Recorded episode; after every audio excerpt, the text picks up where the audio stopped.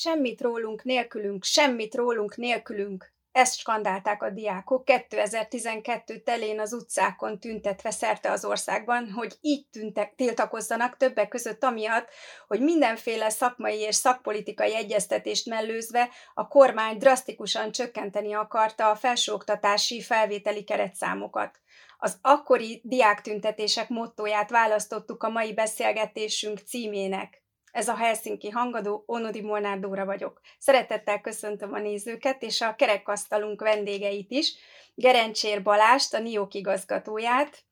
Udvarhelyi Tesszát, a Józsefvárosi Közösségi Részvételi Iroda vezetőjét, és Kádár András Kristófot, a Magyar Helsinki Bizottság társelnökét. Mielőtt belevágnánk a beszélgetésbe, hoztam egy ma is hatályos jogszabályt, ez a 2010. évi 103-as, 101-es törvény, 131-es törvény, bocsánat, a jogszabályok előkészítésében való társadalmi részvételről szóló jogszabály ez. Így szól a bevezetője ennek a szövegnek. Annak előmozdítása érdekében, hogy a jó kormányzás keretében a társadalom legszélesebb rétegei kapcsolódhassanak be a jogszabályok előkészítésébe, elősegítve ezzel a közjó érdekében a jogi szabályozás sokoldalú megalapozását, ezzel pedig a jogszabályok minőségének és végrehajthatóság, végrehajthatóságának javítását, amelyek együtt a jó állam elengedhetetlen feltételei, a jogalkotásról szóló törvényel összhangban az országgyűlés megalkotta ezt a törvényt. Hát a jó kormányzás keretében és a lehető legszélesebb társadalmi rétegek kapcsolódását tekintve, hát sok minden eszembe jut, de biztosan nem az, ami például a Magyar Tudományos Akadémia elnökével történt másfél évvel ezelőtt, aki 54 percet kapott arra, hogy véleményezze azt a törvényjavaslatot, amely aztán a teljes átalakításához vezetett az intézménynek, illetve fél a költségvetésének a felét is elvonták ezzel a jogszabályjal. Az első kérdésem felétek az lenne, hogy van-e egyáltalán szükség társadalmi egyeztetésre egy képviseleti demokráciának, hiszen a népakarat által felhatalmazott képviselők ülnek a parlamentben, minek is kinyitni, négy évenként vannak választások, akkor döntenek az emberek, hogy ki kerüljön oda ki kezdené? András, látom, hogy zöld lett a mikrofonod. Ja nem, Balázs, oké. Okay. Természetesen van. Ö, azt gondolom, a példádból is adódik, tehát, hogy egy, egy akár egy intézmény vezetőjét, vagy akár a tudományos ö, kört ö, ne szólítanák meg az őket érintő kér, ö, ö, szabályokkal, vagy a tudományos életet érintő szabályokkal kapcsolatban az nonsens, vagy hogy ilyen rövid időt kapnak arra, hogy véleményezzék. Azt gondolom, hogyha egy kicsit elméletre, politika elméletre gondolunk, akkor ö, ö, egy politikus, hogyha ö, ö, jó döntést akar hozni, akkor Max Weber után ö, kiemelhetjük, hogy egy, kell egy jó arányérzékének lenni, és ebben például a jó arányérzékének a elősegítésében a, a különféle társadalmi csoportok segíthetnek, hogy hogy hova tegye ezeket az arányokat, másrészt információkkal segíthetnek, harmadrészt ö, segíthetik a jó döntést azzal, hogy előkészítik, megbeszélik a különféle társadalmi csoportokba érintetteknél, hogy mik is azok a fontos problémák, helyzetek, amit egyáltalán szabályozni kell, vagy irányítani kell, és hogyha megszületik egy jó döntés, vegyük azt, hogy egy jó döntés született, ez egy ügyes politikus volt, jó arányérzékkel, tisztességgel, és kellő lendülettel végrehajtották az államigazgatás segítségével a döntést, akkor magába a végrehajtásban is segítkezhet e, akár a, a civil társadalom különféle szervezetei, az intézmények, akár az üzleti szereplők. Tehát, hogy ez egy normális esetben nem egy elkülönült döntésnek kell lennie, hanem a társadalom szövetét át kell, hogy hassa ezek a kérdések, és a kérdéseknek a, a, a megválaszolásának a, az igénye. Úgyhogy ez mindenképpen szerintem egy együttműködésen alapuló jobb döntést kell, hogy eredményezzen, és jobb végrehajtást. András? Ez egy iszonyú bonyolult világ, és, és ugye itt nem csak a törvényekről van szó, hanem alacsonyabb rendű,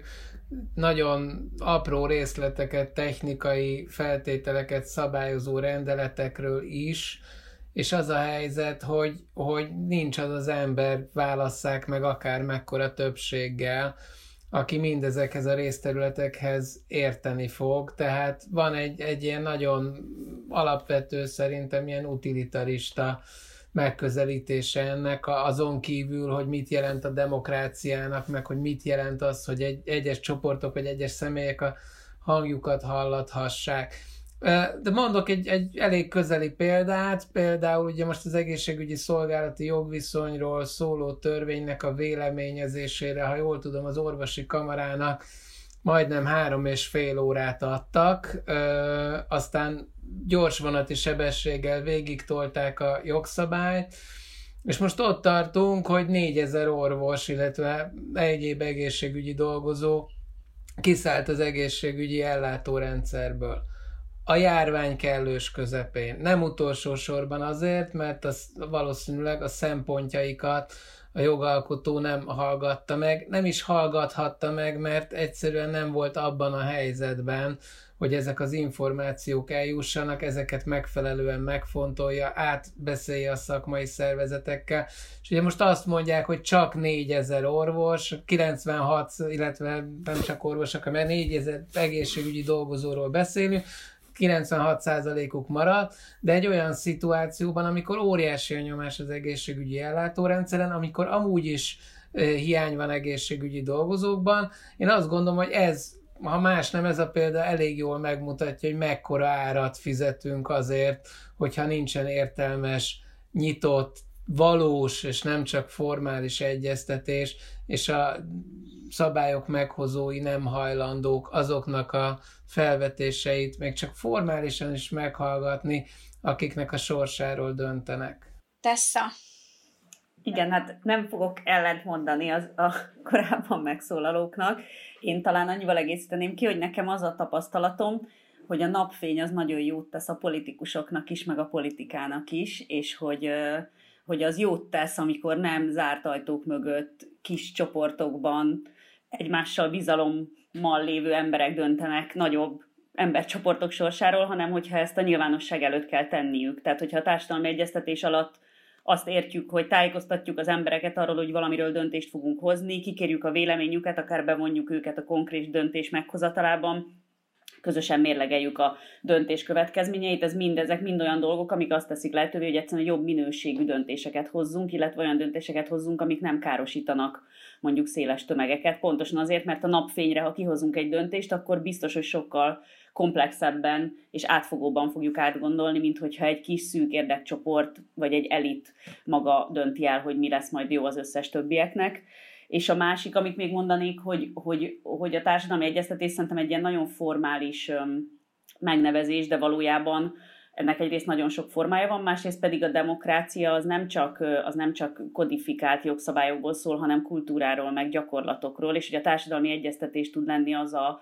az az ilyen hivatalos formája annak, hogy egyébként a demokráciát a mindennapok szintjére vigyük le. Tehát, hogyha ez nem valami kiemelt dolog, hogy na most akkor erről egyeztessünk, hanem egy kultúrája van annak, hogy, hogy, hogy megbeszéljük azt, hogyha döntést hozunk, akkor az kire milyen hatással van, és kinek mik a prioritásai, akkor az a mindennapi demokratikus kultúránkat is tudja javítani, illetve a mindennapi életünkbe beépül annak a gyakorlata, hogy ne, hogy ne szűk érdekek alapján, hanem széles körű szempontoknak a beépítésével hozzunk döntéseket, úgyhogy, úgyhogy én azt gondolom, hogy erre nagyon nagy szükség van, és egyébként érintettek be, tehát hogy, hogy ha a képviseleti demokrácia szerintem nem azt jelenti, hogy, hogy az érintetteket ki kell belőle hagyni, hanem azt, hogy felelősséget adunk valakinek a kezébe, hogy a, nehéz, a munka nehéz részét elvégezze, de úgy, hogy közben nem feledkezik el azokról, akiket egyébként érintenek a döntések meg az intézkedések. Még, még egy valamit, bocsánat, ha hozzátehetek így, ahogy a Tessa beszélt, jutott eszembe, hogy valószínűleg egyébként a normakövetési hajlandóságnak is jót tesz. Az, tehát, hogyha az én bevonásommal hoznak meg egy döntést,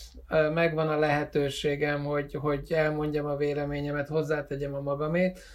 szerintem nagyobb az esélye annak, hogy az ennek eredményeként megszülető döntéssel azonosulni tudok, vagy el tudom fogadni még akkor is, ha esetleg nem pont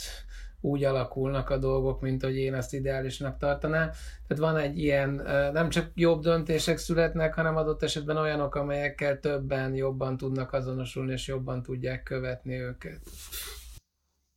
Mindhárman civil aktivisták, illetve civil szervezeti munkatársak vagytok. Etesza most egy ideje, de ennek a teljes karrierjére nézve egy rövidebb ideje most ben van egy önkormányzati háttérintézménynél, de azért a életének a korábbi szakaszában a város mindenki csoportnak a meghatározó személye volt, és mindhármatoktól kérdezem, hogy hogy, lá, hogy volt 2010 előtt a, a társadalmi egyeztetés, bevontak-e benneteket civil törvény, rendészeti ügyekkel összefüggésben hozott törvények, vagy hajléktalanság ügyben, illetve, illetve ugye a Város Mindenki egy csoport akkor még nem volt, de hogy 2010 után ez hogyan változott, mennyi ideig, mert úgy tudom, hogy azért a Magyar Helsinki Bizottságnak a véleményét egy ideig még kikérték, aztán mi történt, vagy hogy volt ez? Én szívesen elkezdem. A, a Város Mindenki egyébként 2009-ben alakult, és előtte az utcaembere önkéntes hálózat működött 2005-től, úgyhogy azért van elég sok tapasztalatunk 2010 előttről is. Nem vontak be minket semmilyen hajléktalanságot vagy lakhatást érintő döntésbe, illetve ami egy ilyen izgalmas színfoltja volt a Város Mindenki történetének, amikor volt egy pont, hogy a az Emmi-ben létrehoz, Emmi-ben fölvettek egy tapasztalati szakértőt, Balogh Gyulát, aki az AVM aktivistája volt, azért, hogy a hajléktalanügyi stratégiába segítkezzen annak a kidolgozásába, és ez egy nagyon furcsa fordulat volt, hogy miért hívnak el egy város mindenki és aktivistát az Emmi-be ö, tanácsot adni, de mivel mi próbáltunk kincstári optimizmussal hozzáállni, hogy hát ez milyen jó dolog, hogy végre akkor be lesz mondva egy érintett, aztán kiderült, hogy ő inkább a kommunikációban van szerepe, mint a szakpolitika alkotásban, vagy a valódi véleményezésben, és aztán amikor ő ezt nyilvánosságra is hozta, hogy szerinte őt inkább kommunikációs eszköznek használják, mint valódi hatalmat akarnak adni a kezébe, akkor sajnos ki is rúgták őt, úgyhogy nekünk azt hiszem, hogy ez volt a rövid karrierünk az ilyen társadalmi egyeztetésekbe való bevonással, és nem tudom, a társadalmi mozgalomként pedig a város mindenki az inkább kikövetelte magának a helyet, hogy beszéljenek velünk, és elmondhassuk a véleményüket, véleményünket meghívni. Biztos, lehet, hogy volt, hogy meghívtak minket, de nincsen nagyon markáns emlékem arról, hogy meghívtak volna minket, mi inkább betúrtuk magunkat olyan helyekre, ahol nem láttak minket szívesen, azért, hogy elmondhassuk azokat a szempontokat, amiket egyébként az ott ülők általában nem feltétlenül vettek volna figyelembe. Balázs? Tesz a szavával mi is inkább betúrtuk magunkat ezekre a helyekre. Mind az önkormányzatok, mind az államigazgatásban van egy folyamatos idegenkedés attól, hogy a bevonjanak sok szereplőt az egyeztetésbe, gyorsabbnak, praktikusabbnak, kevesebb konfliktussal járónak gondolják, ha ebben minél kevesebb ember szól bele. 2010 előtt azért legalább szándékok egyes helyeken, egyes polgármesterek, egyes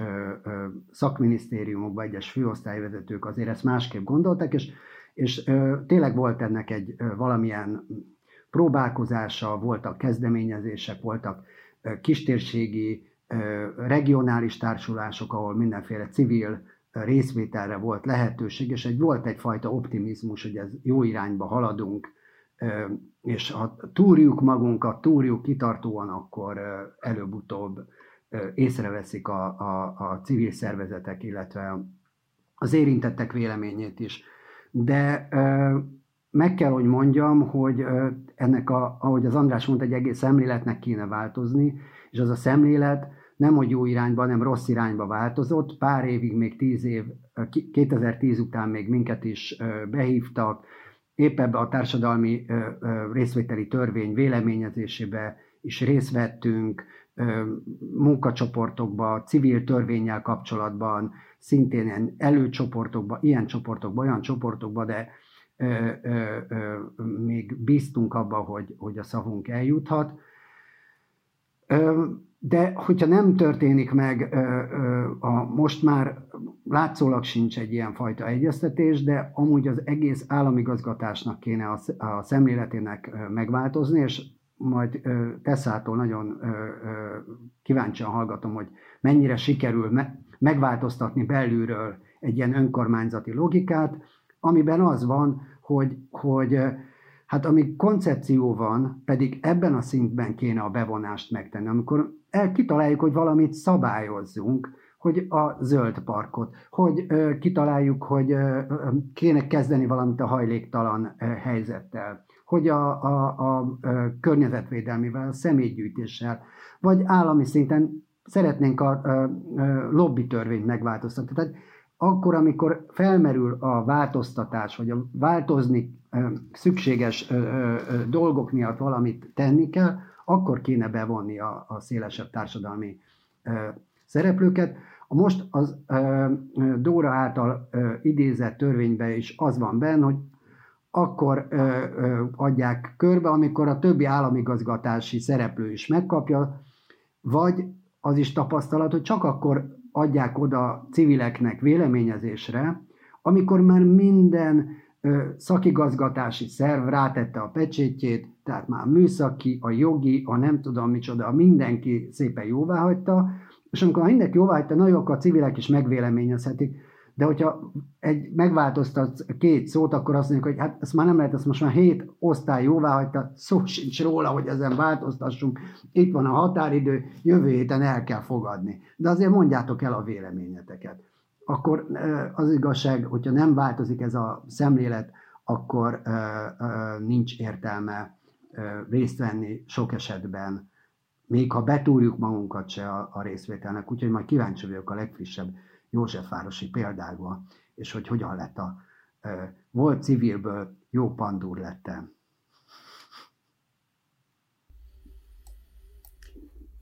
A mi tapasztalataink se nagyon fényesek, tehát ez, ez azért az előző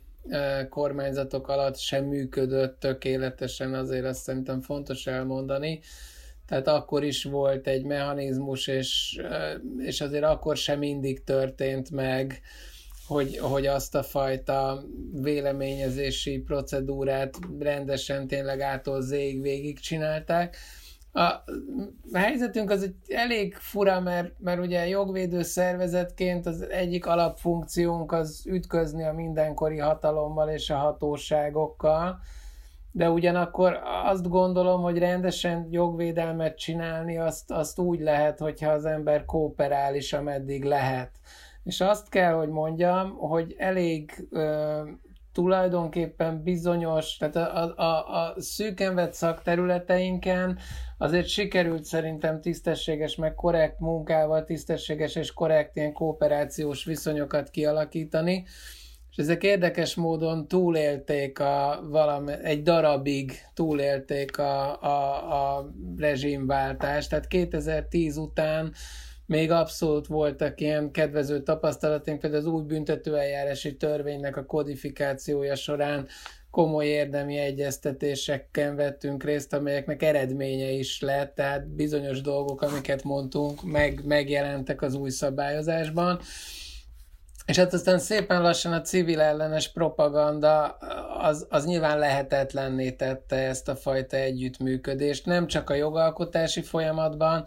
de, de a részünkről is, tehát azok az ügyészségek, bíróságok, rendőrségek, amelyek még 2016 környékén is eljöttek a mondjuk a szakmai rendezvényeinkre, amelyeken tényleg ilyen technikai dolgokról volt szó, mit tudom én, hogy a védőügyvéd hogy jut hozzá iratokhoz. Egy idő után elkezdtek nem jönni, ezek a szakmai kapcsolatok szépen lassan lezáródtak, és hát most tényleg ott tartunk, hogy mondjuk mondok egy, megint egy elég konkrét és, és, és, és viszonylag friss példát, Ugye börtönzsúfoltság tekintetében, börtönkártalanítások tekintetében azt hiszem, hogy elég sokat tudunk a dologról. Tehát évtizedeken át monitoroztuk a BV-ket, azoknak az ügyeknek egy része, amelyek miatt egyáltalán ez a kártalanítási mechanizmus elindult, ez a Helsinki Bizottság ügyvédeinek a nevéhez fűződik,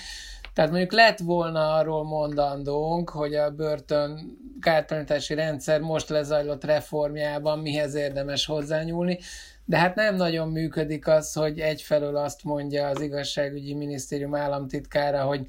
itt az álcivil jogvédők börtönbizniszét uh, verjük most éppen szét, másfelől meg elhív minket uh, egyezkedni, hogy, vagy, vagy konzultálni. Szóval az az igazság, hogy olyan, olyan lett a klíma, hogy, hogy tulajdonképpen szinte teljesen elképzelhetetlen már annak ellenére, hogy tényleg azt gondolom, hogy lenne mit mondanunk, és egyébként úgy csinálunk, mint egy normális országban élnénk, ezért mindig rendesen fel is ajánljuk, de hát nyilván ez kicsit olyan, mint, mint a demokratikus ellenzék a, az államszocializmus utolsó éveiben, amelynek az volt a stratégiája, hogy csináljunk úgy, mint hogyha azok a jogok, amelyek a jogszabályokban szerepelnek, valósak lennének. A, amit még el kell mondani, hogy ha most eltekintek a Helsinki Bizottság sajátos helyzetétől, szerepétől, szempontjétől, akkor is iszonyatos ö, romlás van e tekintetben. A, a jogszabály, amit idéztél, ha megnézed, az, a, az egy nagyon-nagyon progresszív jogszabály. Tényleg világos, egyértelmű, a megfelelő határidőkkel az összes fontos alapel benne van, hogyan teszem közzé a jogszabályt, hogyan várom a véleményeket, hogyan reagálok a véleményeket. Ez egy csodás jogszabály, Ugye ez már a Fidesz többség fogadta el, mert 2010-es év második felében született. Ehhez képest, ugye azt mondja például, csak hogy mondjam, hogy hol tartunk most ebben a tekintetben, ugye azt mondja, hogy minden kormány által benyújtott törvényjavaslat előtt a tervezetet véleményezni kell. 2020 folyamán a, a kormány közel 160 törvényt kezdeményezett, és ezek közül összesen ötnek a tervezetét rakták ki. Tehát 160 tervezetből öt volt kint véleményezésre. Tehát azt kell mondanom, hogy e tekintetben elképesztő a rossz a teljesítmény, és a, és a ciklus elejéhez képest is romlott, amikor általában kirakták a tervezeteket, még akkor is, hogyha néha irreálisan kevés vagy rövid határidőket adtak, meg volt olyan száz oldalas jogszabálytervezet, amire egy napot, meg volt olyan, amit hamarabb benyújtottak az országgyűlésnek, mint hogy letelt volna a határidő, de akkor általában kint voltak. Most ott tartunk, hogy már kint sincsenek, és nem csak azok, ahol trükköznek, mert országgyűlési képviselő nyújtja be, vagy bizottság, hanem a kormány, tehát a minisztériumok által benyújtott törvénytervezetek, illetve törvényjavaslatok esetében sem látjuk sehol ezeket a tervezeteket előtte. Tessa, megszólítattál, hogy civilből lettél egy önkormányzatnál, egy háttérintézmény irodavezetője, mennyire tudod hasznosítani a aktivista tapasztalataidat most, hogy ebben a formában segítened kell egy önkormányzatnak a működését. Uh-huh. Az talán fontos, hogy mi abban az értelemben nem vagyunk háttérintézmény, hogy mi a polgármesteri kabinetnek vagyunk egy irodája, tehát a polgármesternek a részvételi programját valósítjuk meg. Öm, és ez jó volt, hogy civilből lettem pandur. Hát, ha megkérdeznéd a hivatali munkatársaimat, biztos azt mondanák, hogy, hogy én még civil vagyok valójában, és, és azt hiszem, hogy valójában nekünk ez is a feladatunk, tehát mondjuk egy, egy önkormányzatban egy közösségi részvételi irodát alapítani, olyan emberekkel, akik mi, mi vagyunk, akik ebben dolgoznak, tulajdonképpen mi vagyunk a beépített ilyen civil ombudsman az önkormányzaton belül, mert mindig mindenkinél bajt keverünk, meg megkérdőjelezünk, meg kritizálunk, meg megkérdezzük, hogy de hol vannak a civil szervezetek, és hol vannak az érintettek, és miért, mikor kérdezitek meg őket, miért nem kérdezitek meg őket, szóval, hogy uh, mi így is fogjuk fel a szerepünket, hogy, hogy a, a, a, egy polgármesternek a részvételi programjának a, a megvalósítása az valójában egy ilyen belső szabadságharc, amit a polgármesteri hivatalon belül folytatunk, nyilván különböző eszközökkel, meg, meg egy, megpróbáljuk jobban csinálni, vagy szóval, hogy mondjam, nem destruktív módon, hanem, hanem úgy, hogy épüljön is belőle valami, de én nem érzem magam különösebben a, nem tudom, a hatalmi felépítmény részének, mint amikor ki, kint voltam egy önkormányzaton belül, mert nagyon-nagyon hasonló vitákat és harcokat folytatunk le, csak most a saját munkatársainkkal, ami teljesen rendben van egyébként, mert tulajdonképpen az egész részvétel, mint olyan, a társadalmi részvétel az kicsit olyan, mint az idegen nyelv, hogy megvan rá az alapvető kompetenciánk, tehát úgy születünk, hogy meg tudunk, meg tudunk tanulni nyelveket, de ha meg akarunk tanulni egy idegen nyelvet, akkor abba energiát kell tenni, és hogyha sokáig nem gyakoroljuk, akkor elfelejtjük, és már nem beszéljük, és körülbelül ugyanilyen a részvétel is. Tehát, hogyha nem, tehát nem, nem attól lesz részvétel egy önkormányzat, hogy deklaráljuk, hogy az lesz, hanem hogy beletanulunk, és főleg egy hivatalban a rutin, az egy fantasztikusan nagy úr, és hogyha el tudjuk azt érni, hogy a részvételi megközelítés legyen a rutin, akkor, akkor, akkor, az, akkor, akkor úgy fogják csinálni, mert, mert a mechanikus működés és az eljárás rendek, hogyha úgy alakulnak át, akkor egyszerűen észrevétlenül elkezd részvételi módon működni egy önkormányzat de ez egy hosszú-hosszú év, évtizedekig tartó munka szerintem egyébként. Mi nagyon-nagyon az elején vagyunk, és mondjuk nem segít a pandémiás helyzet, mert én kifejezetten nem hiszek az online részvételben, és most tulajdonképpen egy éve alakult az irodánk, és egy éve lényegében nem lehet, nem lehet az utcára menni és emberekkel beszélgetni, úgyhogy, úgyhogy nagyon korlátozott eredményeket értünk el, de, de dolgozunk, és ez valójában tényleg egy ilyen kultúraváltás mind a politikusok részéről, mint pedig a hivatali dolgozók részéről. Egyébként szerintem van remény, csak nagyon sokat kell dolgozni, meg nagyon sokat kell önképezni, meg a, a két kultúra közötti kommunikációt valahogy elősegíteni. Milyen ügyek ezek, amikben megpróbáljátok bevonni a, az érintetteket, hogy tipizálhatóak-e az ügyek, hogy ö, melyek mentén érdemes elindítani, vagy, vagy az összes önkormányzat által ö, érintett területet ö, hát meg lehet szólítani? Szerintem az ideális az az lenne, hogyha az valósulna meg, mint ebben a társadalmi egyeztetésről szóló törvényben, hogy bármilyen döntést vagy határozatot akar hozni az önkormányzat, akkor az x idővel előbb kerüljön ki egy nyilvános felületre, és bárki tudjon véleményt mondani. Tehát szerintem ez a, ez a cél, ami felé haladunk, de jelen pillanatban erre nincsen kapacitása egy önkormányzatnak. Tehát, hogy ahogy a Balázs is mondta, amíg megszületik egy önkormányzatban egy két soros döntés, az hát szerintem nem túlzok, ha azt mondom, hogy száz körön megy keresztül, és akkor, ha még elkezdünk bevonni széles körben érintett embereket is, akkor mindenki konkrétan megbolondul, de nyilván ezt azért lehet fejleszteni, szóval el fogunk tudni jutni egy idő után. A mi esetünkben ez, ez egyrészt politikai akarat kérdése, tehát vannak olyan témák, amiket a politikusok maguk szeretnének, ö, szeretnék kikérni az embereknél, mert tényleg érdekli őket, hogy mit szeretnének. Vannak egyébként törvényileg előírt kötelező egyeztetések önkormányzatok esetében, ezek az úgynevezett partnerségek, tehát bármi, ami a ö, település, képpel kapcsolatos, vagy település fejlesztéssel kapcsolatos dokumentum, azt nem lehet egyeztetés nélkül elfogadni. Tehát vannak törvényi kötelezettségek, vagy például lakásrendeletet nem lehet társadalmi egyeztetés nélkül elfogadni, tehát azért szerencsére vannak olyan minimumok, ahol muszáj ezt lehetővé tenni. Ez a második típus, és vannak olyan ö, témák, amiket pedig mi kezdeményezünk, mint részvételi iroda, mert azt gondoljuk, hogy az alkalmas arra, hogy az érintettek közösséget építve közösen döntsenek róla, és ezek a, a mi esetünkben a Józsefvárosban nagyon különböző témák voltak az önkormányzati házak házirendjétől, egy konkrét játék kiválasztásáig egy játszótéren, vagy éppen a parkolással kapcsolatos rendelet, tehát hogy nagyon tehát hogy, hogy ez egy bármilyen, bármilyen témát lehet valójában társadalmilag egyeztetni. Itt a kérdés az az, hogy milyen minőségű ez az egyeztetés, mert a, a, a, a lakossági fórum és lakossági fórum között is van különbség. Tehát kérdés, hogy délután kettőkor tartjuk-e a hivatal egyik eldogott szobájában, és úgy hirdetjük meg, hogy az úgynevezett helyben szokásos módon, ami egy fali újság mondjuk egy ajtó mögött, vagy pedig de este hatkor hirdetjük meg egy mindenki számára elérhető helyen, és széles körben hirdetjük. Tehát itt a, a minőség, minőségi kérdések azok nagyon fontosak, mert eljárásrendek sokszor vannak, csak éppen nincsenek feltöltve tartalommal. Köszönöm szépen. Azzal, azzal egészíteném még... Most már bocsánat, csak annyit tennék még hozzá, hogy amit Tessa mondott, hogy, a, a, hogy ez, ez óriási különbség valóban, és reményeink most inkább azokhoz az önkormányzatokhoz vannak, hiszen ahol erről legalább most valami másképp kezdtek el gondolkozni, de valóban nagyon fontos az is, hogy a maga, a, akitől várjuk a véleményt, annak a, annak a formájára, annak a, a stílusára, annak a képességeihez legyen igazítva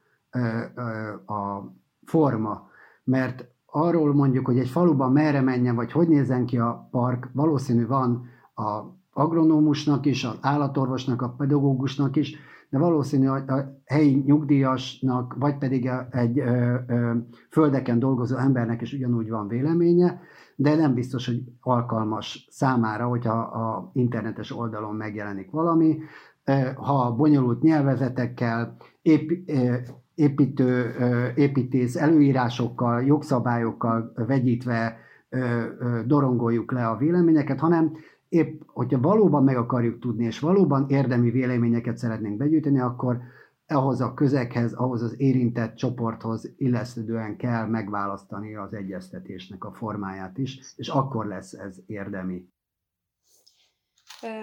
Most is készültünk egy bejátszással, Magyar Bálint egykori liberális oktatási miniszter fog beszélni arról, hogy azok a nagyívű reformok, amelyekbe belefogolt a közoktatás és a felsőoktatás terén is, milyen társadalmi egyeztetési mechanizmuson ment keresztül. A miniszteri tevékenységemet alapvetően két cél határozta meg, amit mindig szem előtt próbáltam tartani, hogy olyan javaslataink, intézkedéseink ne legyenek, amelyek esélyegyenlőtlenséget növelnek, másrészt pedig az volt az alapvető elvem, hogy a, hogy a miniszter jogköreit nem bővítem, hanem inkább, inkább szűkítem. Ebben valószínűleg szerepet játszott a, az egykori demokratikus ellenzéki aktivista múltam is, amelyben, amely alapvetően viszonylag hierarchia ellenes étosszal működött. A közoktatás területén működött egy úgynevezett országos köznevelési tanács. Ennek az országos köznevelési tanácsnak 22 tagja volt. A 22 tagból hármat delegált a miniszter, és a minisztérium állományából én mindössze a tavaly egyébként elhunyt Szüdi János, akkor közoktatási államtitkár helyettest delegáltam, aki valószínűleg az elmúlt 30 év legmeghatározóbb figurája volt az oktatási reformok megvalósítása terén a magyar kormányzati szférában, illetve két külső szakember. A maradék 19 szakember az a szakmai szervezetek, illetve szakszervezetek delegátjaiból állt össze, lefette lényegében a közoktatás teljes világát és a szereplőit a szülői szervezetektől, a szakszervezeteken át, az alternatív iskolák képviselőitől kezdve a különböző tudományos műhelyek megjelenítőit is. Ennek az országos köznevelési tanácsnak az egyetértése kellett ahhoz, hogy bármilyen oktatás politikai törvényjavaslatot a minisztérium beterjeszthessen a parlamentnek. Ez azt jelentette, hogy minden ilyen javaslatot előzetesen, hosszasan meg kellett tárgyalni, meg kellett vitatni, egyeztetni kellett ezzel a, ezzel a testülettel, és csak amennyiben elfogadták ezt, akkor lehetett nekem előterjeszteni, illetve természetesen nem értünk az, a, a későbbiekben tapasztalt olyan trükkökkel, hogy egész lényeges törvényeket, illetve komplet saláta törvényeket is önálló képviselői indítványként nyomjanak be a, be a parlamentbe. Ennek a testületnek egyébként a vegyes összetételét jelezte az is, hogy természetesen későbbi akkor ellenzéki párthoz tartozó politikus is, aki később miniszter lett, az is tagja volt, Hoffman Rózsa is tagja volt mondjuk ennek a, ennek a testületnek. Furcsa módon egyébként az Alkotmánybíróság ezt a szabályt hatályon kívül helyezte, azzal az indoklással, hogy ez a szabadon választott kormányzati szervek jogkörét és felhatalmazását csökkenti, de miután ezt hatályon kívül helyezték, akkor is egy önkéntes önkorlátozásként ez a dolog élt tovább, és, és gyakorlatilag tartottam magam miniszterként ahhoz, hogy csak a országos köznevelési tanács által megvitatott, általuk is jóváhagyott törvénytervezeteket nyújtsunk be a, nyújtsunk be a parlamentbe. A második példa, amit hoznék az egyeztetésről és az egyeztetés módjáról, az pedig a felsőoktatás területére vonatkozik. 2000 öt folyamán, négy és öt folyamán dolgoztuk ki a felsőoktatási, egy új felsőoktatási törvényt, amely meglehetős sok reformot hozott a felsőoktatásba. Ez a felsőoktatási törvény, ez alapvetően abból az elgondolásból indult ki, hogy a szenátus az nem, önmagában nem mindig megfelelő gazdálkodó szerv intézménynél, és ennek az intézménynek, mármint az egyetemeknek létrehoznánk olyan úgynevezett irányító testületeket, kilenc tagból álló, hát mai szóval kuratóriumnak hívják őket, amelyben a menedzsment feladatjai és az oktatási feladatok bizonyos értelemben szétválnak. Viszont ebben a testületben a kilenc főből hat a szenátushoz kötődött volna, vagy úgy, hogy a szenátus választotta, mint a rektort, illetve a rektor választotta és jelölte ki az adott intézmény gazdasági főigazgatóját, és további négy személyt maga a szenátus delegált ebbe a testületbe, és csak hármat három érintett minisztérium, az oktatási, a pénzügyi, és mindig egy olyan minisztérium, ami leginkább az adott felsőoktatási intézmény profiljához, profiljához passzol. Akkor az akkori alkotmánybíróság, mert a mai ellenzék megtámadta a törvényjavaslatot, ezt a javaslatot az egyetemi autonómia olyan mértékű korlátozásának tekintette, hogy ezt eltörölte, és 2006-ban ennek egy legyengített változatát tudtuk csak elfogadni, amely ennek a kilenc tagú kuratóriumnak csak véleményezés és előtárgyalási jogosítványokat jogosítványokat biztosított. Tehát lényeges dolog volt, hogy nem csak, hogy pozitív értelemben voltak meg az egyeztetésnek ezek a fórumai, hanem, hanem világéletemben törekedtem arra, hogy félelem nélkül lehessen ellenvéleményt nyilvánítani szervezett formában, szervezett formában a kormányzati tevékenységgel szemben. Például, és ezzel zárnám ezt a rövid hozzászólást, olyan civil szervezeteknek, amelyek például a szegregáció ellen léptek fel, a miniszteri keretből juttattam forrásokat, hogy adott esetben ügyvédeket tudjanak fizetni, jogi munkát tudjanak vásárolni ahhoz, hogy akár az önkormányzatokat, akár a minisztériumot perelni tudják, amennyiben mondjuk a deszegregációs követelményeknek, az egyenlő esélyekről szóló törvénynek nem felelnek meg az intézmények. Érdekes volt viszont hallgatni Magyar Bálintot, és uh, ahogy felidézte azt, hogy hogyan is működött a uh, egyeztetés az Országos Köznevelési Tanácson, ahol ugye 22 tag uh, képviselt különböző értekeket, és uh, beszélték át az aktuális uh, törvényeket. Ma már egy kicsit szürreálisnak hat uh, erre gondolni. Mekkora kört érdemes egyébként bevonni, tehát egy ideális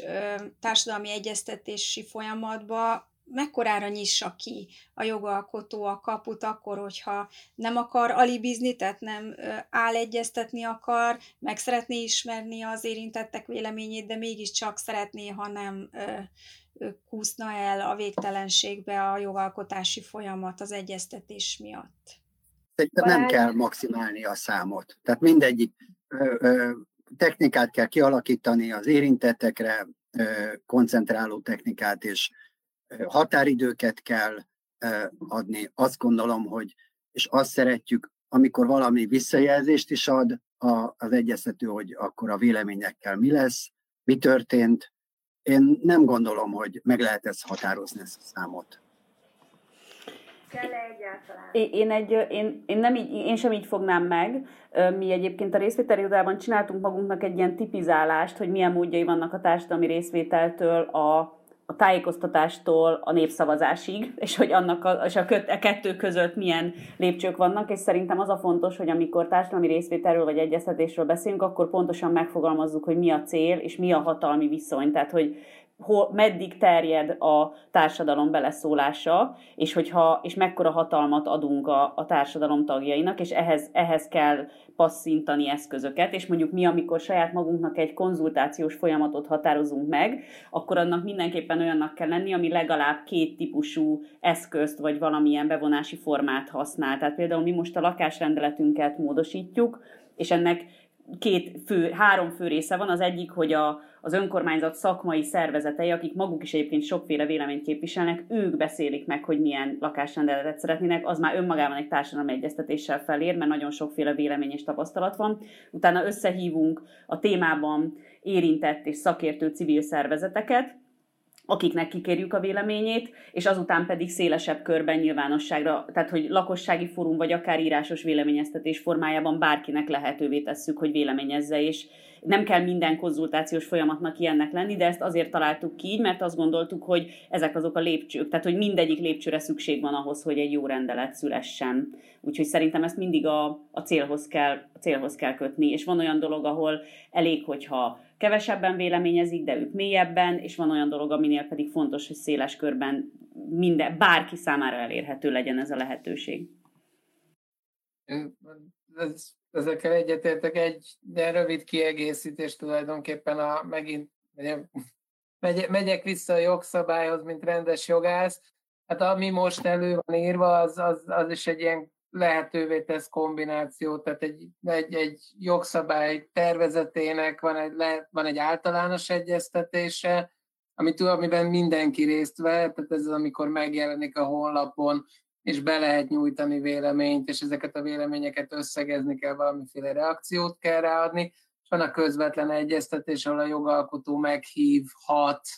a saját belátása szerint bizonyos szervezeteket vagy személyeket, és nyilván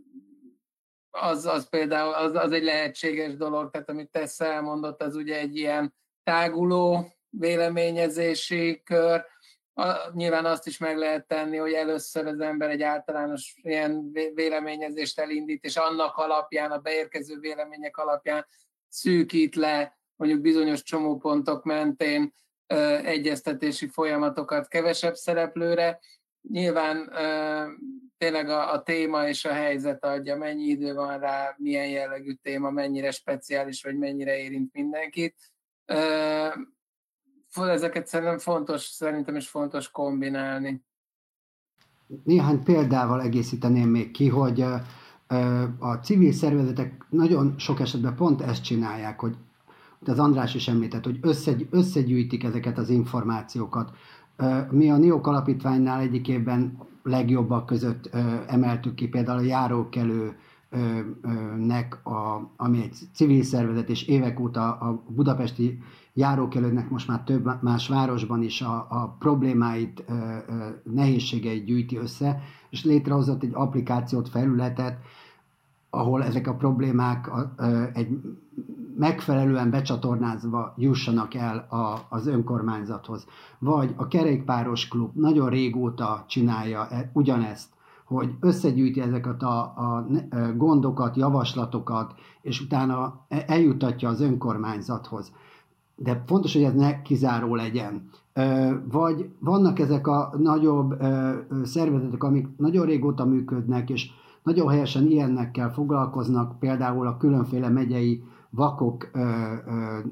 nem látók, hallássérültek, mozgássérültek szervezetei, akik akár közlekedési problémákat, akár oktatási nehézségeket, vagy bármilyen nehézségeket összegyűjtenek, és utána meglévő fórumokon továbbítják. Arra kell odafigyelni, hogy, hogy, hogy ellenben ezek a, a folyamatok ne zárják ki azt, hogy más szereplő ne vehessen benne részt, és ne jöhessen létre egy ilyen korporatív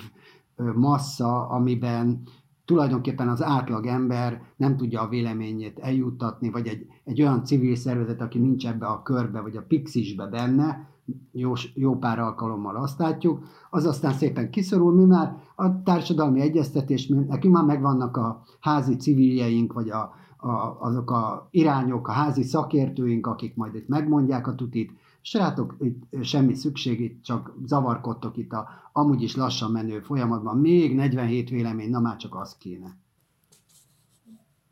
Én még annyival egészíteném ki, hogy szerintem ami fontos, az az, hogy mindig azt a kérdést tegyük föl, hogy ki hiányzik az asztaltól, mert mindig mert nagyon könnyű, főleg ma, manapság az online technológia segítségével kicsit olyan, hogy bárkivel lehet egyeztetni, tehát az ember bedob egy követ a tóba, és úgy lesznek emberek, akik mondanak róla valamit hogy egy parkról akarunk egyeztetni, akkor biztos, hogy el fognak jönni emberek a fórumra, és elmondják a véleményüket. Az a kérdés, hogy ők egyébként, az, tehát hogy ők kiket képviselnek már, mint hogy most társadalmi státusz, nem, etnikai háttér, nem tudom, politikai nézet szempontjából, és hogy a, a nagy kihívás az szerintem nem az feltétlenül, hogy, hogy embereket elhívjunk, vagy meghívjunk társadalmi egyeztetésre, mert mindig lesz, akinek lesz véleménye, hanem hogy ki nincs ott, és hogy milyen erőfeszítést teszünk arra, hogy ő ott legyen. Tehát, hogy hogy, hogy, hogy érjük el, hogy mondjuk egy olyan kerületben, mint a Józsefváros, ahol, uh, ahol viszonylag magas a cigány magyarok aránya, a társadalmi egyeztetéseken egyébként legyenek cigány magyarok, akik elmondják a véleményüket, vagy a, egy, a mi kerületünkben, ahol nagyon sok a szegény ember, ne csak a középosztály, meg a felső osztály mondhassa el a véleményét, hanem azok is, akiknek, akiknek kevesebb jut, vagy akik rosszabb lakásokban élnek, és ez viszont nagyon tudatos közösségszervezési, meg közösségépítési, meg, meg ilyen elérési technikákat feltételez, ami egyébként szerintem ma nincsen feltétlenül meg az önkormányzatoknak, tehát ezt a fajta szakértelmet, ezt meg a kormányzatnak sem, meg úgy, úgy általában a, tehát hogy a, nem tudom, a államigazgatásnak, tehát ezek azok a készségek, amiket most kell kifejleszteniük ahhoz, hogy, hogy érdemi egyeztetéseket tudjanak csinálni, és hogy tényleg ne csak egy szűk, fehér, jómódú elit legyen mindenhol ott. Van egy nem szép mondás, nem kérdezzük meg a békákat, amikor lecsapoljuk a mocsarat, mondta ezt egykor egy miniszter, de valójában felvet egy dilemmát ez a, ez a mondás, hogyha valami olyan reformrépésre, vagy egy olyan racionalizálásra van szükség, ami, ami, ami fájdalmakat okoz bizonyos csoportoknál, akik nyilvánvalóan ellen fognak állni, azt egy egyeztetési folyamatban mennyire kell akceptálni, úgy, hogy egyébként az eredeti elképzelés ne olvadjon szét, tehát az eredeti kormány elképzelés, ami egy szükséges lépésnek a meghozása lenne, az ne porladjon szét, és legyenek belőle bársonyos reformok, vagy bárminek nevezzük, ami mondjuk egy ilyen felpuhított, vagy akár azt is mondhatnám, hogy kiüresített reform valaki. Nem ihletett meg benneteket a kérdés? De most azon gondolkodom, hogy a békákkal hogy lehet valahogy mégis dűlőre jutni. Nem, tehát itt, itt, itt azt gondolom, hogy az, az nem lehet feltételezni, hogy az egyeztetés egy olyan eredményt fog hozni, ami mindenkinek feltétlenül azonos mértékben jó. Tehát szerintem bármilyen társadalmi kérdésben lesznek ellentétes érdekek. Az egyeztetés szerintem azt eredményezi, vagy ahhoz segíthet hozzá, hogy ezeket az ellentétes érdekeket felmérjük, körvonalazzuk, és megnézzük azt adott esetben, hogy vannak-e olyan eszközök, megoldások, amelyek, amelyek egyes csoportok érdeksérelmeit minimalizálják, vagy más módon elfogadhatóvá teszik számukra az érdeksérelmet. Tehát, hogyha a békák azt mondják, hogy jó, de azért legyen nekünk valahol, ha nem is itt, de máshol egy, egy olyan pocsolyánk, akkor lehet, hogy azt meg lehet találni. Szóval tehát olyan szerintem nem feltétlen, nem minden helyzetben van ö, olyan megoldás, ami mindenkinek egyaránt megfelelő, de szerintem a, a konfliktusokat, a feszültségeket lehet azzal csökkenteni, ha van egy normális egyeztetés. Tulajdonképpen az egész demokratikus választási rendszer is arra a kérdésre épül, hogy hogyan érhetjük el, hogy adott esetben az a kisebbség, vagy az a csoport, amely kisebbségbe szorult, mégis elfogadja legitimnek a rendszert, és elfogadja annak a döntéseit. Az egyeztetés szerintem ebben egy nagyon, pont ugyanúgy egy nagyon fontos eszköz, mint hogy a választás az egész demokratikus rendszer szempontjából. Hogy én elfogadjam azt, hogyha nem az én általam kedvelt pár kerül kormányra, és akkor négy évig azt mondom, hogy kibírom, mert maga az odavezető folyamat tisztességes volt. Szerintem ugyanerre jó az egyeztetés is. Én, én azt mondanám, hogy... Ja, bocsánat. Öm, hogy szerintem öm, például egy ilyen osztályhelyzet alapján nagyon öm, szegregált társadalomban, mint a magyar, vannak olyan kérdések, amiket én például nem terjesztenék társadalmi egyeztetésre. Például nagyon sok szociálpolitikai kérdést nem, nem gondolom, hogy hogy a társadalom felépítése lehetővé teszi azt, hogy az emberek valójában empatikus és szolidáris módon vélemény, tehát hogy, a, hogy ők, e, tehát hogy ha, társadalmi bocsátjuk, akkor valószínűleg nem progresszív eredményekre fogunk jutni, hanem olyan eredményekre, ami esetleg bizonyos emberek számára büntető lehet. Tehát hogy most mondok egy példát, hogy a, valószínűleg a magyar társadalom többsége azt mondaná, hogy még a meglévő önkormányzati bérlakásállományt is gyorsan privatizáljuk, és szabaduljunk meg tőle, és nulla köztulajdonú lakás lenne, mert a magyarok szeretik, hogyha van magántulajdonuk, viszont a, a progresszív lakáspolitika szerint meg pont az a probléma, hogy Magyarországon túl dominál a, a, a magán lakástulajdon, és azt tenne a jót a lakáspiacnak és a szegényebb helyzetben élő embereknek, hogyha több köztulajdonú lakás lenne, és ezek jobb állapotban lennének. Tehát szerintem például ez nem, tehát hogyha nem, nem tennék egy olyan ö, kérdést, társadalmi vitává, hogy adjuk el az összes lakásunkat, vagy sem. De arról lehet vitázni, mint ahogy mi most vitázunk is, hogy milyen legyen a lakásrendelet, és hogyan, hogyan menedzseljük a meglévő lakásainkat. Szóval csak arra akartam felhívni a figyelmet, hogy szerintem vannak olyan kérdések, amik nem, amik nem tudom, nem népszavazás által eldöntendőek, vagy pedig, nem, vagy pedig például politikusoknak vagy szakpolitikusoknak van víziójuk arról, hogy ők ezt hogyan szeretnék megvalósítani, és lehet, hogy az éppen egy olyan pozitív változás, ami az emberek jelenlegi szokásaival vagy preferenciáival nem találkozik, de hosszú távon hasznos. Nagyon sok környezetvédelmi intézkedés egyébként ilyen, tehát nagyon sok klímavédelmi intézkedést az emberek valószínűleg elutasítanának, mégis szükség van arra, hogy még a gyerekeinknek is legyen esetleg levegő, amit tudnak szívni. Szóval, hogy, hogy, hogy szerintem nem, nem nem mindenek fölötti a társadalmi egyeztetés, annak ellenére, hogy nagyon-nagyon fontosnak tartom ennek a kultúráját. Annyit tennék hozzá, a, a, hogy, hogy sok esetben, hogyha a, a, nem is biztos, a békákat megkérdeznék, akkor kiderülne, hogy nincs is a nagy gond ezzel a, a, a mocsárral. Lehet, hogy ez is tök jó, csak más szempontból kéne nézni, ez az egyik. A másik, hogy valóban vannak olyan típusú problémák, ahol hát nem lehet bedobni. Tehát például, hogy merre menjen egy, egy elvezető út, vagy egy, egy autópályáról bevezető szakasz, emlékeznek nagyon sokan Budapesten, hogy bizonyos utcák lobbiztak, hogy menjen arrébb, és ma is a rávezető szakaszon ilyen hihetetlen kanyarok vannak, az szerint, hogy a melyik utcában mennyire erős lobbista réteg volt, vagy pedig ugye most a Budapest elkerülő nem tud befejeződni, mert olyan területeken megy át, ami sok befolyásos ember érdekét sért, és nem akarja, hogy a körgyűrű elkészüljön, mert sok gazdag ember lakik, sok befolyásos gazdag ember lakik arra. Szóval, hogy vannak ilyen nehézségek, hogy merre menjen egy út, és senkinek nem, nem könnyű azt mondani, hogy az én házam előtt dübörögjenek el a kamionok, de hogy az András is mondta, vagy kompenzációval, vagy én a Teszát annyival egészíteném ki, hogy szerintem ott is kell társadalmi egyeztetés, csak hogy más csoportokat kell bevonni. Tehát, hogy amikor megszületik egy hatástanulmány mondjuk a lecsapolásról, akkor azt gondolom, hogy meg kell kérdezni sok mindenkit, aki a mocsárban érintett, és be tudja, végig tudja gondolni ezt a, a, a kérdést, és nem csak a gólyákat kell megkérdezni, hogy miről van itt szó, meg a horgászokat, hanem, hanem végig kell gondolni, hogy tényleg abba a helyzetben kinek lehet adekvát véleménye, és hát még ennél kicsit én azt mondom, nyitottabb kell lenni, mert lehet, hogy az államigazgatás nem gondolja, hogy, hogy ebbe van esetleg a szúnyogoknak is véleménye, és nekik is van egy elképzelésük, hiába elsősorban béka táplálékként szerepeltek eddig, de lehet, hogy ő, nekik is van ötletük, hogy hogy folytatódjon ez a projekt. Tehát, hogy nagyon nyitott, inkább bővebb legyen egy picivel, mint, mint szűkebb. Ha valaki nem ismeri Magyarországot, és kívülről néz rá az országra, akkor azt látja, hogy itt aztán olyan szinten mindenki bele van vonva a jogalkotás folyamatába, hogy ennél mintaértékűbb társadalmi egyeztetés nincs is, hiszen a kormány időről időre konzultál éppen most is egy konzultációban vagyunk arról, hogy hogyan nyisson újra az ország. Nem, ez, ez, ez, ez tulajdonképpen egy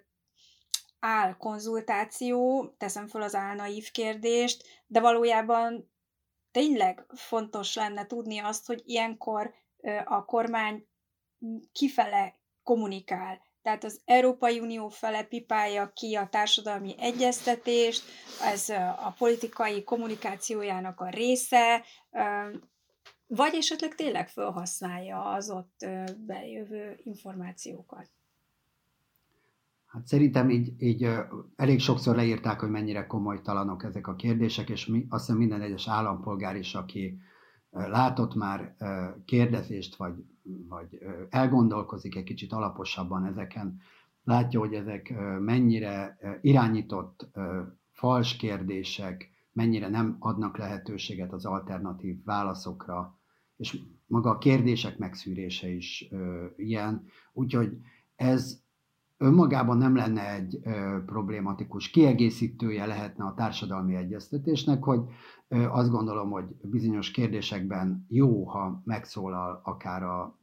felkészített információval, hiteles információval ellátott ö, és ahhoz hozzáférést biztosított folyamat után akár az ország egész lakossága, miért ne, tök jó lenne, de hát ennek ehhez semmi köze. Én is azt gondolom, hogy sajnos a nemzeti konzultáció jelenlegi formájában az a manipulációnak egy formája, és ilyen szempontból nagyon sajnálom, hogy a konzultáció szót ennyire elhasználták, vagy lejáratták, mert egyébként annak lehetne, lehetne igazi tartalma is, és a nemzeti konzultációval szerintem az a probléma, hogy semmilyen módszert annak, tehát semmilyen módszertani elvárásnak nem felel meg, tehát a kérdések előre irányítottak, a feldolgozás nem kontrollálható, az eredményeket általában nem közlik ilyen objektív módon, és egyébként nem lehet tudni, hogy mire használják őket, azt, azt szoktuk észrevenni, hogy inkább már előbb meghozzák a döntést, mint hogy a konzultációnak vége lett volna. Tehát, hogy ezt tulajdonképpen ilyen checklist-szerűen el lehet mondani azt, hogy melyek azok a pontok, ahol, ha most ilyen semleges, politika semlegesen nézem, egyszerűen módszertanilag nem felel meg egy konzultációnak. Politikailag meg én azt mondom, hogy a nemzeti konzultáció az a, az a kormány szavazóbázisának egy ilyen egy ilyen szondázása és egy mozgósítási eszköz, és csak nagyon sajnálom, hogy ezt nemzeti konzultációnak nevezik, mert ezzel lejáratják azokat a egyeztetési meg konzultációs folyamatokat, amiknek egyébként lehetne akár még értelme is. Hogy mennyire így van ez, akkor visszatérek a kedvenc témámhoz, a börtön zsúfoltsághoz. Ugye emlékszünk, hogy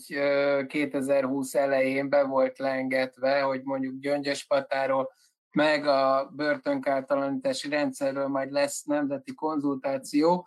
és az országgyűlés elé is került egy ö, törvény ö, javaslat, amelyet aztán ugye el is fogadott, amelyben benne volt,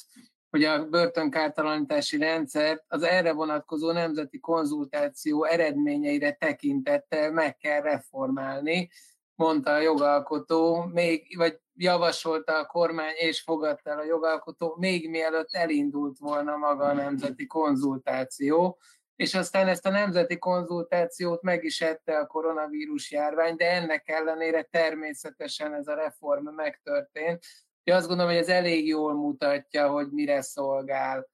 beleírjuk a törvénybe, megelőlegezzük a végeredményét, aztán arra megyünk akkor is, hogyha végül a konzultációra magára nem került sor. Tök világos, hogy egy tényleg mozgósító propaganda eszköz elképesztően manipulatív kérdésekkel és olyan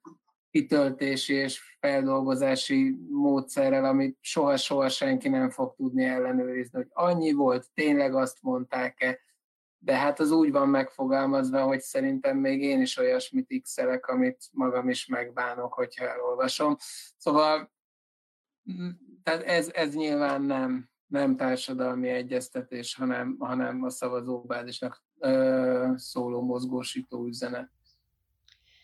Utolsó kérdéskört tenném föl, és talán ez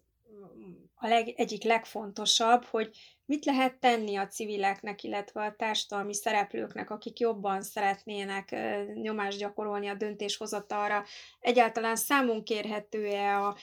jogalkotásról szóló törvény, illetve erről a jogszabályok előkészítésében való társadalmi részvételről szóló törvény, hogy ennyire nincs betartva egy betűje sem, ez valahol megker, meg, számon kérhető-e, kikérheti -e magának az egyes ö, állampolgár, és mit csináljanak a civilek, hogy jobban ö, beleszóljanak a döntéshozatalba. Most ö, éppen ö, folyik egy ügy, 33 civil szervezet ö, írta meg felháborodását a kormánynak, amiatt, hogy társadalmi egyeztetés nélkül költeni el azt a 19 ezer milliárd forintot, amit az Európai Unió a költségvetéséből a koronavírus járványhoz kapcsolódó helyreállítási dolgokhoz utal majd Magyarországra. Például ennek a 33 civil szervezetnek mit üzennétek, hogy hogyan gyakoroljanak nyomást? A, hát mondjuk vicces, mert mi is köztük vagyunk, a 33 szervezet között a NIOK alapítvány is, de azt üzenném magamnak, hogy vannak olyan ügyek, ahol vannak mondjuk nemzetközi, hát nem is garanciák, de legalább olyan szabályok, itt például ennél a pénz elköltésénél, hogy társadalmi egyeztetést és részvételt szükséges tartani, most az a baj, hogy ennek a részletes szabályozása azért nem született meg, és mi, mi már a előző körben is nagyban kritizáltuk, hogy ez mennyire volt valós, ha bár a mostani előkészületekhez ég és föld a különbség, tehát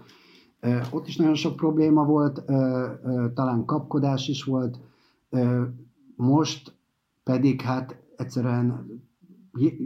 hatalmas anyagok utolsó pillanatban kiküldve egy-két szereplő számára körülbelül így néz ki ennek a hatalmas egész ország fejlődését meghatározó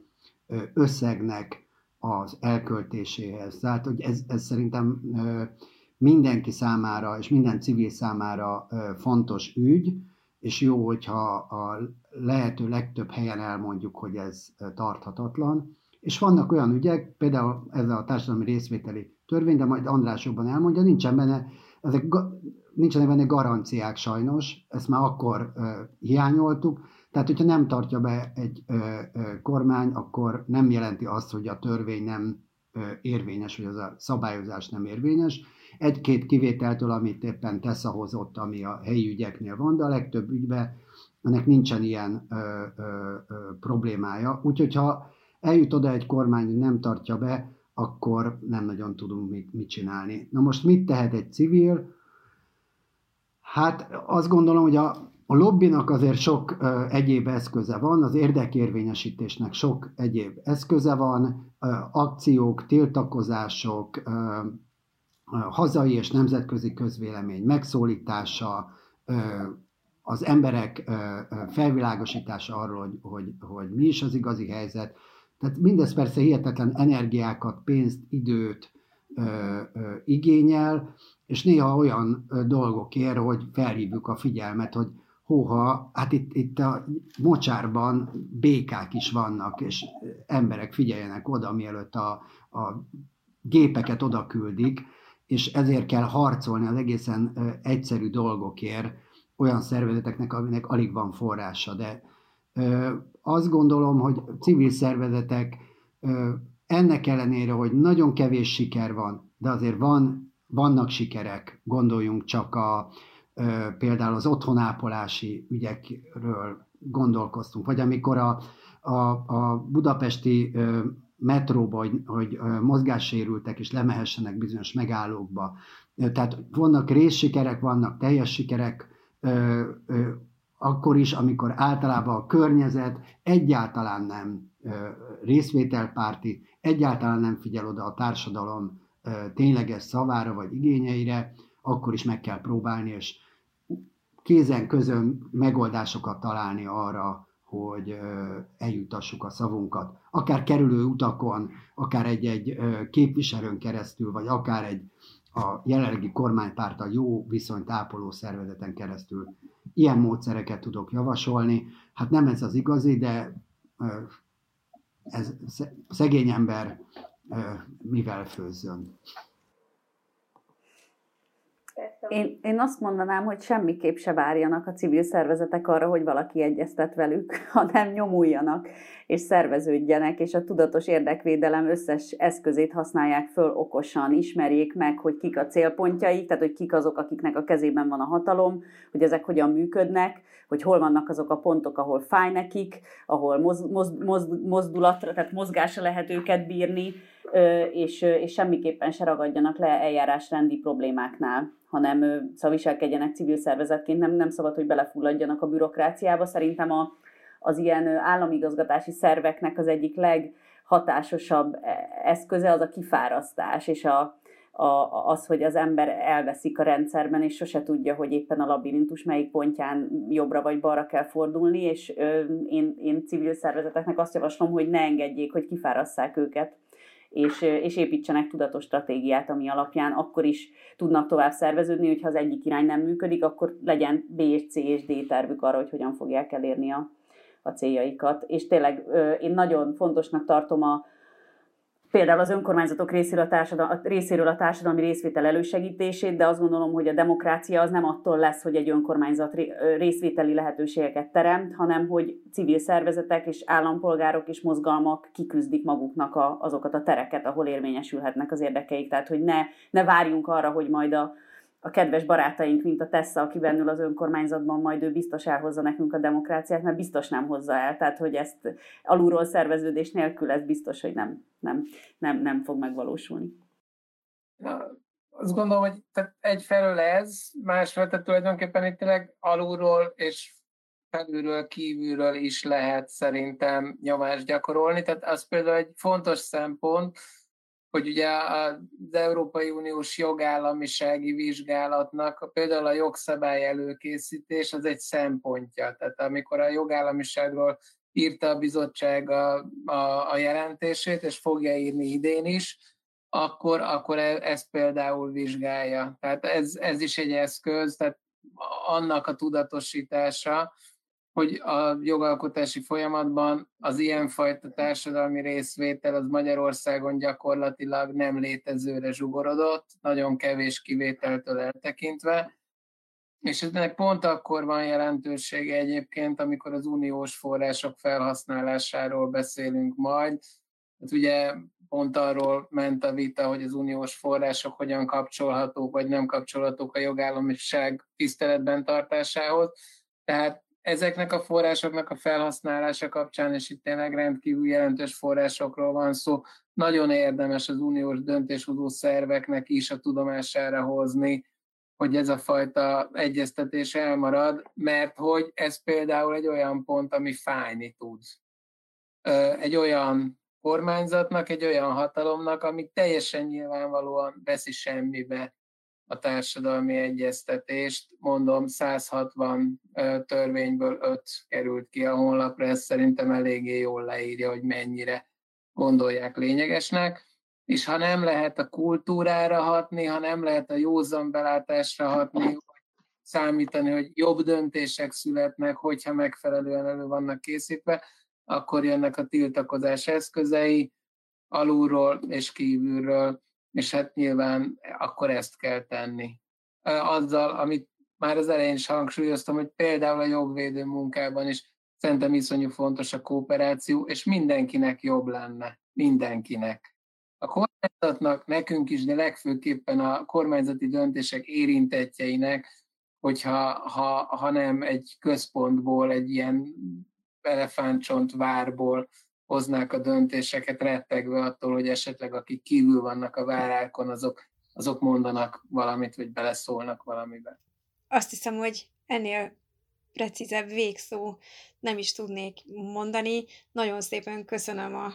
kerekasztal résztvevőinek, Gerencsér Barázsnak, a NIOK igazgatójának, Udvarhelyi Tesszának, a Józsefvárosi Közösségi Részvételi Iroda vezetőjének, és Kádár András Kristófnak, a Magyar Helsinki Bizottság társelnökének a beszélgetést. Ez a Helsinki hangadó volt, két hét múlva újra jövünk, vigyázzanak magukra, szép hétvégét kívánunk!